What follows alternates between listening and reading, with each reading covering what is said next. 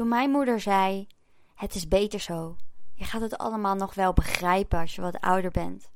Maar ondertussen was ik dus degene met die rugzak die elke keer heen en weer moest pendelen tussen twee huizen.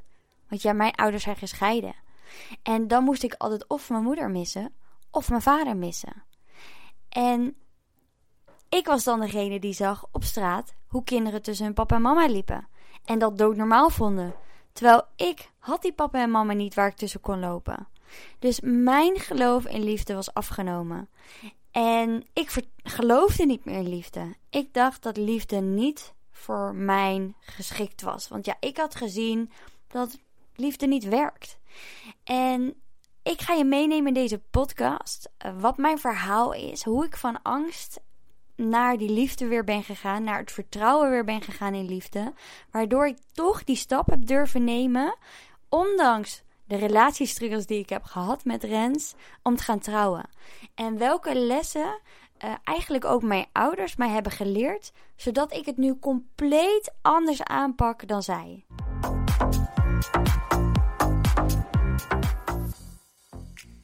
Als klein meisje begreep ik het gewoon niet. En later zag ik natuurlijk wel dat het beter was dat ze waren gescheiden. En werd ik ook wel een soort van boos op mijn vader. Want ja, hoe kon hij nou mijn moeder het zo moeilijk maken? Nadat ze zoveel jaren samen waren geweest. En ze zaten namelijk in een enorme vechtscheiding naar eigenlijk een enorme vechtrelatie. Maar ik geloofde dus niet meer in de liefde. En ik zei stug altijd: ik ga nooit trouwen. Ik ga nooit aan kinderen beginnen. Dit ga ik mijn kinderen zo niet aandoen. Relaties zijn alleen maar ingewikkeld. Gedoe, daar begin ik niet aan. En als kind creëer je dus een eigen verhaal. En dat verhaal wordt dan jouw waarheid. Jij ziet dat zo. En dat projecteer je ook naar de buitenwereld. En mijn verhaal werd uiteraard onbewust door deze scheiding en de manier waarop mijn ouders met elkaar omgingen, dat niet alle mannen te vertrouwen zijn. En dat spiegelde ook al meteen in mijn eerste lange relatie die ik had. Wat gebeurde er? Mijn overtuiging werd bevestigd. Mannen zijn niet te vertrouwen. En voilà, ja. in de eerste relatie, die jongen met wie ik ging, ging vreemd. Hij kuste met een andere jongen. Ik was denk een jaartje of 17, 18, zoiets. En uh, dat was dan mijn eerste lange relatie. Want ik heb ook een verliefde relaties gehad. Uh, zelfs ook met de man met wie ik nu ben. Maar daar kom ik later even op terug. En daarin kreeg ik natuurlijk, toen die gast vreemd ging, werd het natuurlijk bevestigd, werd de overtuiging bevestigd. Ja, mannen gaan vreemd. Mannen zijn niet te vertrouwen. Nou, vooral mannen zijn niet te vertrouwen. Ik geloofde niet dat alle mannen vreemd gingen. Maar goed, ik was vast besloten om daarna in ieder geval niet meer op mannen te vallen die vreemd zouden gaan. Dus weg met die populaire macho-types. Daar wilde ik een streep achter zetten. En ik had besloten dat ik zou gaan voor de nerds. Beter. Nerds die gewoon jou zien zoals jij bent. En die niet de hele tijd verleiding krijgt van buitenaf. En die gewoon voor mij wil gaan. Dus ik was aan het daten met een jongen. Ik weet niet of ik het een nerd kan noemen. Was niet echt een nerd, maar was wel een beetje introvert. En toen kwam ik op in contact, terwijl ik met die andere jongen aan het daten was, uh, met Rens, mijn huidige partner. En dat was op 7 april, en dat weet ik heel goed, want dit is op zijn verjaardag. Rens en ik uh, kennen elkaar al langer. Dus op 7 april feliciteerde ik hem heel vaak nog. En ik ben 9 april jaren, dus twee dagen later. Ja, we staan ook heel eng bij elkaar in de krant. Gewoon één persoontje staat ertussen. In de krant, weet je, als je geboren wordt, heb je toch wel zo'n krantenknipsel waar staat die en die zijn geboren. Nou, wij staan dus onder elkaar. Uh, want we zijn allebei in Gouda geboren. Maar goed, toen uh, stuurde Rens mij uiteraard een paar dagen na mijn verjaardag, dus na 9 april, met: Oh, nog dankjewel en jij ook gefeliciteerd, hè? En zo, zo kwam het gesprek op gang. Nou, long story short, die jongen met wie ik aan het daten was, heb ik gezegd dat het niks ging worden. Want ik was tijdens het alleen al het WhatsAppen met Rens, uh, in het begin Facebook Messenger, maar daarna WhatsApp, was ik eigenlijk al smoorverliefd. Smoorverliefd voor de tweede keer. Want we hadden al eerder verkering gehad toen we 14, 15 jaar waren. We woonden allebei toen in Gouda en we kenden elkaar van het buiten hangen. En toen had Rens mij gedumpt. Dus, nou ja, dat zal maar geen tweede keer gebeuren. Hij gaat mij natuurlijk niet nog een keer uh, dumpen. En uh, toch gebeurde het. Na een paar maanden daten met Rens belde hij me op. Wat totaal niet uh, eigenlijk had verwacht. Want ja, hij was niet het type macho of type, hè, ik uh, ga zomaar met een ander en ik ben niet te vertrouwen. Maar toch belde hij mij op. Ik stond in de keuken te eten, weet ik nog, en, of eten te maken. En hij zegt, Joline, het gaat me te snel. Ik kom net uit een lange relatie. Nou, die was net een maand uit voordat wij in contact kwamen. En ja, ik kan dit nu niet, zei hij. Dus hij wilde ermee stoppen met wat we hadden. En we hadden geen relatie, maar we waren wel intiem en et cetera. Dus eigenlijk hadden we een soort van relatie zonder dat we zeiden dat we verkering hadden of een relatie hadden. Dus ja, dit bevestigde weer mijn overtuiging dat alle mannen niet te vertrouwen zijn. Want ze verlaten je weer. Het maakt niet uit op wat voor manier mannen niet te vertrouwen zijn. Ze verlaten je toch wel. Ze vinden je niet echt leuk. Dus ik was er helemaal klaar mee op dat moment. En meteen had, ik boos eigenlijk al al zijn spullen ingepakt die bij mij lagen. Had ik een vriendin gebeld. En binnen een half uur stond ik heerlijk te shoppen, weet ik nog, bij Man at Work in Gouda. en dat deed me heel goed. Het is een mooi kopingsmechanisme trouwens, om niet te voelen. Shoppen. Dus ik had het helemaal losgelaten en ik had echt zoiets van, nou, dan niet, weet je wel. En eigenlijk was ik natuurlijk toen heel erg mijn gevoel aan het wegduwen. Zo van, ik wil het niet voelen, ik ga lekker shoppen en fuck jou. Nou, toen ik in de winkel rondliep en uh, ik uh, was een zwarte lange jas aan het passen, weet ik nog. Die jas heb ik ook gewoon nog. Toen belde Rens mij op en die zei: uh, Ja, ik sta over 40 minuten bij je voor de deur. Toen dacht ik: Wat is dit nou? Hij zei: Ja, ik heb spijt. Mag ik langskomen? En dat is het enige wat hij ook wilde zeggen aan de telefoon. Dus ik dacht, uh, ik twijfelde nog even. Ik dacht, ja, ga ik dit doen? Wil ik dit doen? Is het voor mij nu, nu afgesloten? Weet je, ik ben geen yo-yo waar je de aan kan trekken en weer ophalen en wegduwen en ophalen, wegduwen. Dus, maar goed, ik was ergens ook wel benieuwd wat hij te vertellen had. Dus ik dacht, nou oké, prima. Dus Rens moest komen uit Utrecht, daar woonde hij toen. En ik was super blij met mijn jas, liep ik naar huis. Maar wel natuurlijk met een heel dubbel gevoel, uiteraard. Want ik deed heel stoer. Uh, ik was een jaartje of 23 of zo toen. 24, 23. Ja. Uh, maar ergens voelde ik natuurlijk ook heel veel. Alleen ik wilde het niet voelen. Dus in mij was er iemand keihard aan het juichen. Die zei: Joehoe, hij weer terug. Jee, woe. Hij gaat op zijn knieën. Daar mag hij ook echt zijn best voor doen. En woehoe, je hebt nu de machtspositie. En je kan nu zeggen ja of nee, lekker. En ik wil hem eigenlijk wel. En, en een andere stemmetje zei: Nou, dat ga je toch niet doen, hè? Hij heeft je echt net gedumpt. Dat kan echt niet. Je kan echt niet iemand terugnemen die je heeft gedumpt. Dat heb je eerder meegemaakt. Dan moet je niet, dan moet je niet weer in trappen. Ik, toen Rens de trap opliep en ik woonde in een studiootje op de bovenste verdieping van een herenhuis, zag ik al die tranen in zijn ogen. Hij had gehuild en ik schoot ook meteen vol. Meteen was mijn masker af en kon ik het er laten zijn. Kon ik de verdriet er laten zijn, ehm, de pijn er laten zijn wat ik voelde. Van dat hij afscheid van mij wilde nemen, dat hij toch niet verder met mij wilde. Hetgeen waar ik eigenlijk zo bang voor was, is dat hij mij zou gebruiken om zijn ex te vergeten, dat kwam uit ook in mijn ogen. Dat was ook mijn grootste angst. En die kwam uit. Self-fulfilling prophecy noemen ze dat. Zelfvervullende voorspelling. Ik had al heel slecht uitspreken. Dus, nou ja. Hij, uh, we zaten op bed. Want hè, ik had wel een bank, maar we zaten ook heel vaak op bed. Zat in mijn keuken. Het was heel klein.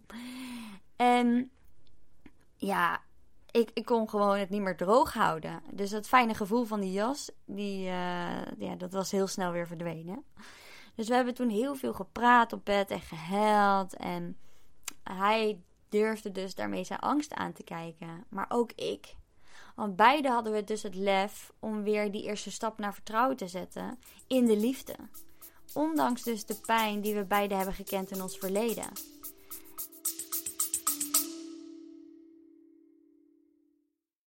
Sorry dat ik je onderbreek, maar mocht je nou tijdens het luisteren van deze podcast opmerken, is dat je zoveel erkenning ervaart en voelt dat je er wat mee wil, dat je deze kennis die je nu hoort in de praktijk wil brengen, vraag dan gewoon eens een vrijblijvend gesprek aan via www.lien-forward.nl of ga naar mijn link in bio in, op lien-forward op Instagram. En dan kletsen we even over jouw uitdaging, je verlangens. Dan kan ik direct die rode draad eruit pikken waar jij mee aan de slag mag gaan. En dan kunnen we kijken en mag jou voelen of later beslissen zelfs nog of jij in eventueel het één traject zou willen stappen. Dus wie weet ga ik je zien. En ik voelde op dat moment heel sterk van oké, dit is anders dan normaal. Dit is anders dan anders. Ik voel ergens dat dit ja, gaat bijdragen aan het leven, aan ons leven. En dat dit een geslaagde relatie kan gaan worden. Als we zo open en kwetsbaar durven zijn naar elkaar. Dat was heel bijzonder. Dus alleen ik had, was natuurlijk ook heel bang, hè? Want dat andere stemmetje was er ook nog. Die zei van, ja, dat ga je echt niet doen, weet je wel. Straks dumpt hij je weer. Dus straks dan uh, um, gaat hij me toch weer verlaten. Of vindt hij iemand anders toch leuker. Of wil hij toch wat langer vrijgezel blijven. Of raakt hij toch uitgekeken op mij. Al die gedachten, weet je wel. Dus ineens voelde ik mij ook een soort van aanhankelijk. Want ik had die keuze gemaakt om bij hem te blijven. Of eigenlijk terug te gaan. Of hè, dat we weer samen zouden komen. Dat klinkt beter. Ehm, maar dat maakte mij dus wel nog banger. Want dan moest het dus wel echt gaan slagen. Want anders zou ik weer pijn voelen. Dus op een gegeven moment voelde het zo is dat ik um, hem nodig had. Ik werd afhankelijk van hem. En uiteindelijk kwam ik er ook achter, maar echt pas veel later in de relatie, is dat ik dat ook klopte. Ik had hem ook nodig. Hetgeen wat hij mij gaf, een stukje veiligheid, bescherming, Um, voor, weet je, zelfs in, weet je, als er dan, uh, ik woon in een studiootje en op een gegeven moment liep iemand op mijn dak. En toen was ik super bang en dan was ik blij dat Renser was. Die kon mij veilig houden, zou maar zeggen. Dus dat was dat stukje bescherming. Uh, maar ook een stukje liefde was liefde wat ik niet aan mezelf kon geven. Dat gaf hij aan mij. Hij adoreerde mij. Hij vond me echt geweldig, knap, mooi, leuk. Uh, alles wat ik niet van mezelf vond, dat vond hij van mij. Dus um, waar ik dus heel veel negatieve stemmetjes over had, um, qua liefde in ieder geval, dat weerspiegelde hij tegenovergesteld. En uh, liefde voor mezelf heb ik het dan. En, maar ook zijn zorgzaamheid, de manier waarop hij um, ja, mij zag, maar ook uh, voor mij zorgde. En zag waar ik meer, misschien beter voor mezelf kon zorgen met eten of met slapen of met whatever. Uh, voor mezelf zorgen. Dat, dat kon hij ook heel goed. En een stukje humor. Hij had heel veel humor. Ik verlangde ook wel naar humor in mezelf. en uh, rust. Hij, hij had geen zorgen op dat moment. Hij leefde toen de tijd heel erg in het moment. En dat was voor mij een enorme eye-opener. Juist voor een persoon zoals ik was, die alles wilde controleren. Die alleen maar in de hoofd zat. Die alles aan het plannen was. Die altijd maar bezig was met de toekomst. Dus ja, stelde mij hij mij ergens ja, gerust, zou ik maar zeggen. Hij, en ik zei ook altijd, dat heb ik ook gezegd in, in, onze, in onze speech naar elkaar, toen we gingen trouwen. Toen moet ik eigenlijk weer een keertje bijpakken. Toen zei ik dat ook. Jij biedt mij die uh, veiligheid, die, je beschermt mij, je zorgt voor mij. Dat was ook hetgene waar ik toen heel erg behoefte aan had. Maar eigenlijk was dit iets wat ik natuurlijk bij mezelf mocht gaan ontwikkelen. Want Anders gebruik je dus de ander om iets van wat, wat jij nodig hebt um, vast te pakken van een ander. En als de ander dan op een moment bijvoorbeeld niet die veiligheid kan bieden, doordat hij bijvoorbeeld een week op oefening is, want dat had Rens, um, of dat hij in één keer toch ook zich zorgen ging maken om iets, dan, dan kon hij niet meer jouw behoefte opvullen. En dan keur je dat dan dus af. Want dat is dus hetgene waarvoor je op iemand gevallen bent. Snap je wat ik bedoel? Dus relaties dienen als een doel. Ze leren ons iets. En ze spiegelen ons wat we dus, wat we dus moeten leren. Dus om te weten hoe we eruit zien met onze nieuwe jas, kijken we in de spiegel, toch? Dus hè, je staat in de winkel, je wil, past een nieuwe jas, je kijkt in de spiegel. En past die jas je niet, is die te klein, is de kleur staat je niet, of is het te groot, of whatever, dan gaan we niet die spiegelstuk slaan, toch? Die spiegel is niet schuldige. Dus in de hoop dat we dan er beter uit gaan zien, bijvoorbeeld. Want ja, door een spiegelstuk te slaan ga je er niet beter uitzien. Nee, dan veranderen we van jas, toch? Je trekt een nieuwe jas aan. Je past er nog één. Totdat dat het beeld geeft in de spiegel ehm, wat jou bevalt.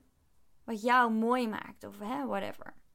Dus even als voorbeeld en metaforisch, dat je een beetje kunt voelen, ja, zo werkt eigenlijk dus ook een relatie. En jij bent dan in dat geval de persoon met de jas en jouw, in jou, jouw partner is de persoon wat de spiegel is. En anders moet je hem nog een keer luisteren als je hem nog niet helemaal vat. Dat is heel interessant. Kijk, dus die relaties zijn onze spiegels. Dus als jij iemand aantrekt die bijvoorbeeld ja, heel kritisch op jou is, dan kan het zijn is dat jij dus ook heel kritisch bent.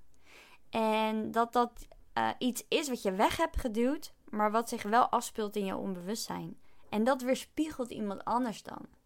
Zodat jij gaat ervaren en voelen dat je mag gaan werken aan bijvoorbeeld um, je mooi vinden of je goed genoeg vinden. Of eigenlijk zegt jouw partner hardop wat jij onbewust tegen jezelf zegt.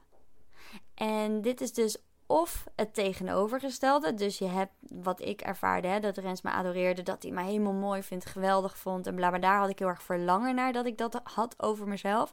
En dat verlangen, dat weerspiegelde in Rens. Dat gaf hij daarom ook aan mij. Maar dit is iets wat ik natuurlijk zelf moest gaan leren. Want als ik dan een keertje uit de kapper was geweest en hij zag het niet, dan dacht ik, ja, waarom zegt hij het niet? Vindt hij het niet leuk? Of als Rens, dat zei hij laatst nog, toen had ik iets aan of om. Even denken hoor. Oh, die voertjesoorbellen had ik in mijn oren. Toen zei nou vind ik echt niet uitzien. En toen zei Jent in de auto, want we gingen toen naar het strand. Toen zei Jent, waarom heb je je veertjesoorbellen uit? En toen zei ik voor de grap, nou omdat papa zei dat hij ze niet leuk vond. Toen zei ik, nee een grapje, omdat we naar het strand gaan. Dat is een beetje onhandig naar het strand van die verenoorbellen. Ik ga ze heus nog wel dragen, want dat papa ze niet leuk vindt. Hè, dat is zijn papa. Als ik ze leuk vind, vind ik ze leuk. En ik heb het dan niet meer nodig, is dat Rens iets leuk van mij vindt. Soms vind ik dingen leuk en daar heeft hij dan maar gewoon even mee te dealen dat ik dat leuk vind. Maar als jij hier wel heel gevoelig voor bent, omdat je dus het gevoel hebt dat je ja, niet goed genoeg bent, bijvoorbeeld. Dan voel je je dus afgewezen op het moment dat iemand zegt: Hé, hey, jouw oorbellen vind ik echt niet leuk, weet je wel. En dan ontstaat er eh, een beetje frustratie of irritatie in huis. Of, of uh, ga je je terugtrekken en voel je je rot omdat je een soort van afgewezen voelt door je partner. Dus ja, jouw binnenwereld spiegelt jouw buitenwereld. Alleen deze kennis die ik nu heb, al sinds een, langere tijd, ja, had ik natuurlijk toen niet op mijn 23ste. Natuurlijk, sommige mensen hebben dit wel op hun 23ste, dat is super mooi, maar had ik helaas nog niet. Dus toen wij gingen samenwonen na uh, een jaartje super verliefd te zijn, want ik woonde eerst op mezelf. En dat was precies het moment dat ik op mezelf ging wonen toen uh, ik met Rens um, ja, opnieuw leerde kennen, zou ik maar zeggen. Dus ik wilde ook niet meteen weg. Dus na een jaar of zo, toen eh, ben ik ingetrokken in zijn appartement in Utrecht. En ik had heel veel angstige gedachten om hem kwijt te raken. En zeker op het moment toen ik. Dat werd erger ook op het moment dat ik ging verhuizen. Dat ik bij hem in ging trekken. Want dat maakte hem ook soort van afhankelijk. Hè? Ik had mijn eigen huis niet meer. Ik verkocht um, mijn spullen. Sommige spullen hadden we, had ik wel meegenomen. Maar ja, je begint ergens opnieuw. Het is een hele andere nieuwe plek. En wat nou als het niet zou werken? Dan zou ik weer een huisje moeten vinden. En dat is best wel een uitdaging. Was in die tijd geval. En nu ook volgens mij. Maar om een huurwoning te vinden wat een beetje betaalbaar is. Ik, ik had al een particuliere woning waar ik al veel te veel geld voor betaalde. En ja, daar gingen al die gedachten natuurlijk door me heen. Ik zat heel erg in angst en weer in die toekomst. Want waarom kon ik niet gewoon in het moment ervan genieten?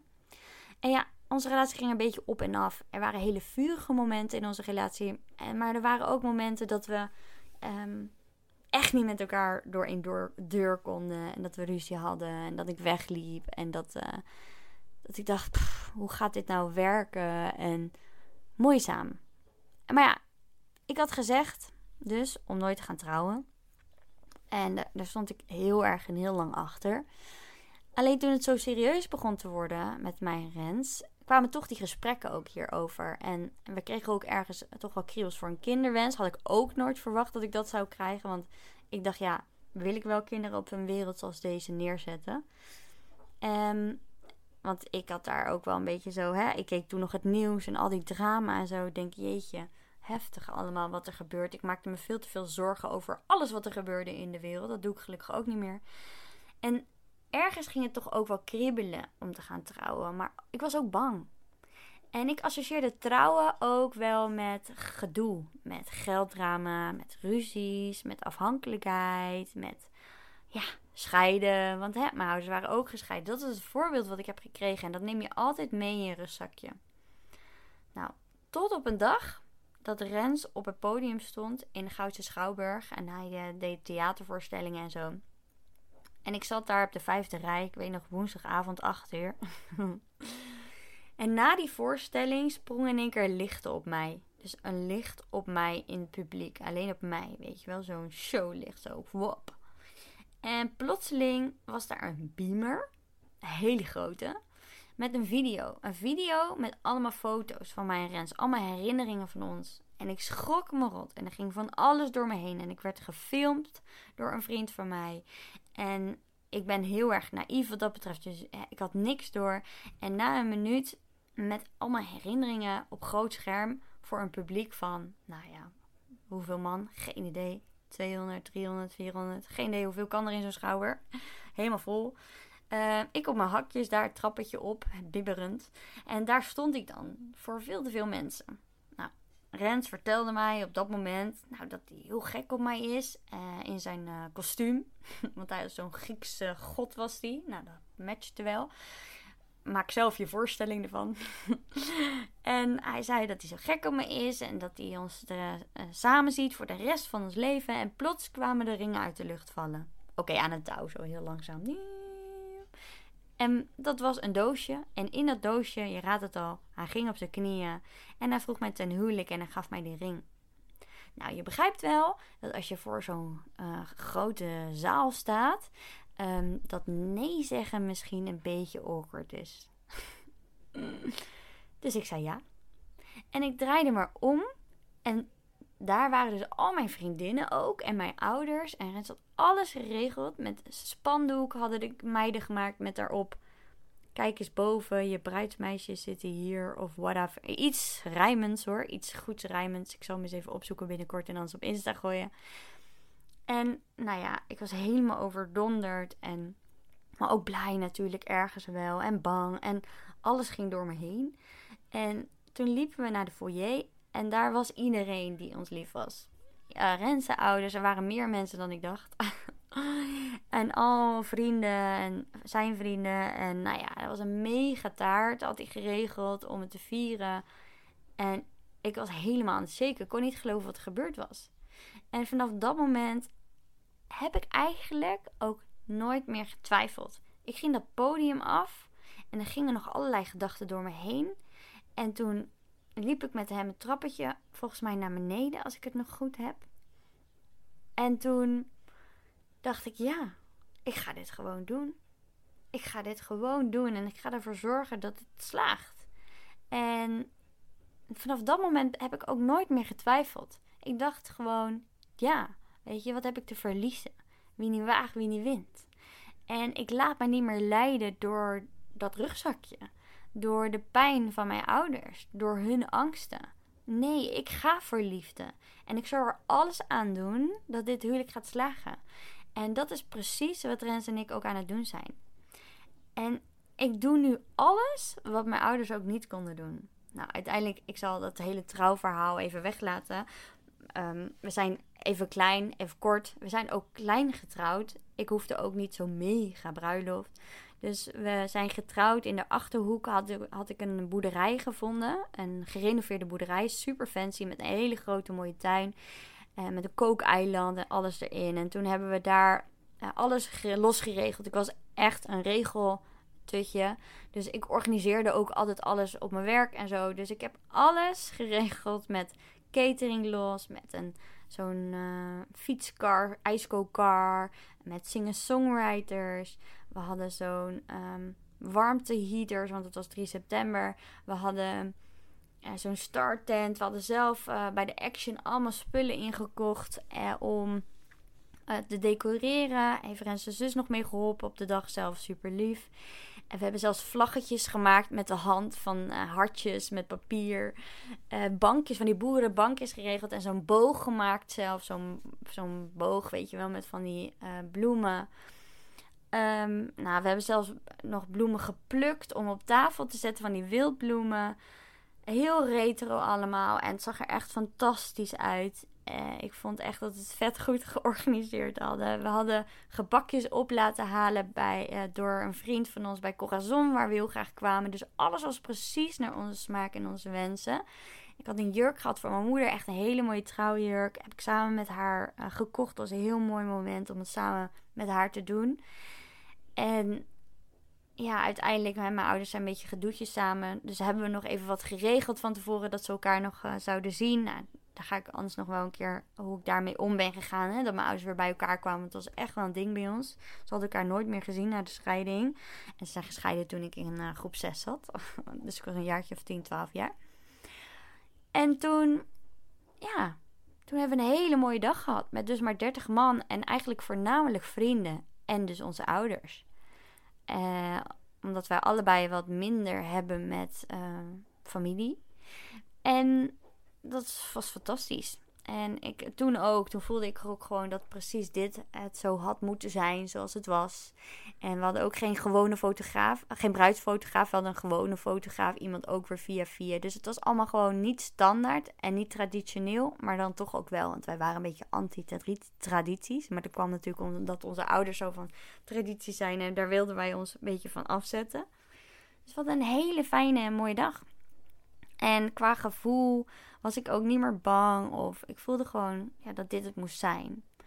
En ik heb geleerd dat een relatie hebben niet vanzelf gaat. Een relatie hebben is ook werken. Het is ook continu weer opnieuw die aandacht hebben voor elkaar, die tijd hebben voor elkaar. En dat is makkelijker als je geen kinderen hebt, natuurlijk, dan als je kinderen hebt.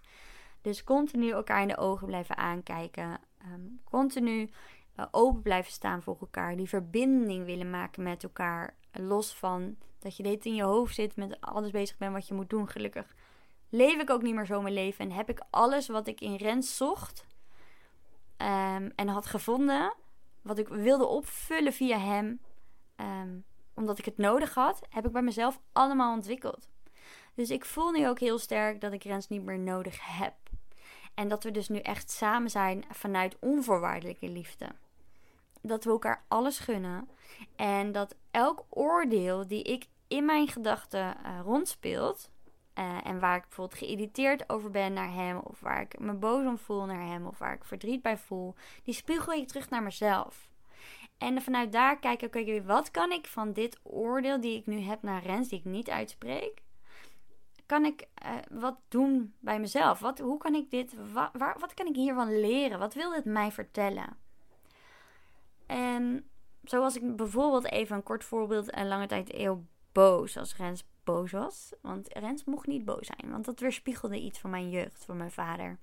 En dat is iets wat ik mocht leren. Ik mocht leren is dat boosheid er mag zijn. En dat boosheid dan niet meteen agressie is. Maar boosheid iets is dat je aangeeft dat je iets niet leuk vindt en iets niet, leert, uh, niet wilt. Dus eigenlijk heeft Rens daarmee, onbewust, mij geleerd... is dat uh, door dus mijn trigger eigenlijk te geven door wel boos te zijn. Want gelukkig is hij op een gegeven moment ook gewoon weer boos geworden. Want het was een tijd dat ik dat echt afwees in hem. Uh, maar doordat hij dat dus nu wel weer is en kan zijn, heeft dat mij geleerd dat ik ook boos mag zijn nu. En want dat keurde ik natuurlijk ook in mezelf af. En dat ik daardoor ook weer heb geleerd, is dat ik dus ook weer mag aangeven wat ik wel en niet belangrijk vind en waar mijn grenzen liggen. Dus een relatie vertelt je zoveel. niet alleen een relatie overigens, je kinderen ook. Als je kinderen hebt, die spiegelen ook een, een stukje van je jeugd. Elke fase zullen ze een, een, nieuwe fase van je eigen jeugd spiegelen. Zelfs al als baby uh, kan dat zo zijn. En dat zijn allemaal onbewuste overtuigingen en gedachten en dingen die je hebt en die gespiegeld worden. En 95% is onbewust. Dus dat maakt zo dat we vaak in gevoelens zitten die we niet kunnen begrijpen. Omdat um, ja, het iets is van vroeger. En we kunnen niet alles onthouden. Het zit er wel. Je kan het bewust maken. Zeker weten. Dat is precies doe wat ik in mijn coaching. We gaan in mijn coachgesprekken continu dingen weer aan het licht brengen. Uh, waardoor je dus dingen van jezelf gaat begrijpen, maar ook gaat leren. Want ik geloof dat je hier bent op aarde om te leren. Om uh, lessen te halen uit het leven. Eh, lessen die jouw ouders nog niet hebben geleerd, bijvoorbeeld, die ze aan jou door hebben gegeven en die jij kan doorbreken. En als je ze niet doorbreekt, dan, ja, dan is het dus weer aan jouw kinderen om daaraan te gaan werken. Totdat je echt uh, die onvoorwaardelijke liefde gaat voelen voor jezelf. Totdat je dus bij die kern komt, want jij bent gewoon liefde. En ja, als jij er niet aan werkt of te weinig ermee doet en onzekerheid voelt, of over je grens ingaat, slechte keuzes kunt maken, geen zelfliefde voelt, uh, slecht me neemt voor jezelf, zorg, continu bezig bent met anderen, dat zijn jouw lessen. Dit mag je leren, jezelf leren, want jij wil ook toch dat je kinderen van zichzelf houden, voor zichzelf kunnen kiezen, wel grenzen aangeven, weet je wel? Dus jij wil niet dat zij in dezelfde valkuilen stappen als jij. En als je dat wil voorkomen bij je kinderen, dan moet je daaraan werken bij jezelf. En dat is de enige manier om dat te voorkomen.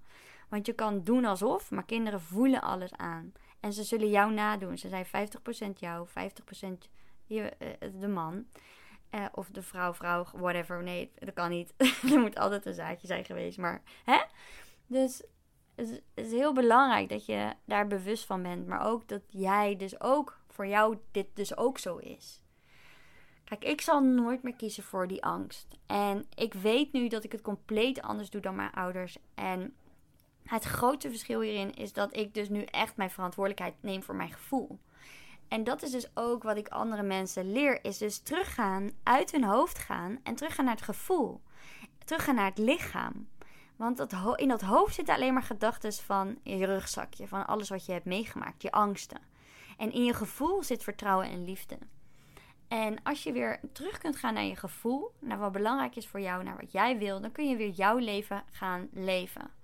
En vanuit daar kun je dus weer verantwoordelijkheid nemen voor wat jij voelt. En dus veel makkelijker je grenzen met liefde aangeven, uiteraard, op een liefdevolle manier. Uh, kun je er veel beter zijn voor anderen. Want eerst moet je er kunnen zijn voor jezelf. En dan pas kun je er zijn voor anderen. Eerst moet je van jezelf kunnen houden. Super cliché. En dan pas kun je van de ander houden. En dat is echt wat ik ervaren heb. En waar ik de laatste jaren helemaal doorheen ben gegaan. En ik voel nu echt die onvoorwaardelijke liefde voor mezelf. Is dat ik mag zijn wie ik ben. En um, dat Rens ook mag zijn wie hij is. En dat dat precies goed is, zoals het is. En ik dacht dat dit als klein meisje niet bestond. En toch is het er. Zo mooi is dat, dat ik dit ontdekt heb. En ik gun het jou ook om dit te ontdekken bij jezelf en in je leven. En zodat niet jouw kinderen hoeven te lijden. Want daar geloof ik in. Hè? Dat je lijdt op een moment is dat je niet vanuit je kern leeft. Vanuit liefde leeft. Maar vanuit angst. En als je hier wat mee wilt doen, check even mijn website www.lean-voorbeeld.nl slash coaching. Vraag een vrijblijvend per sessie aan. En ga je mee aan de slag als je getriggerd wordt door dit verhaal. Oké? En vind het super leuk overigens als je ook een berichtje achterlaat op linda-forward op mijn Instagram. Persoonlijk berichtje of ik ga ook een reel maken. Dus als je onder de reel wil reageren is ook super tof. En dan nog een hele fijne dag of slaap lekker. Doei!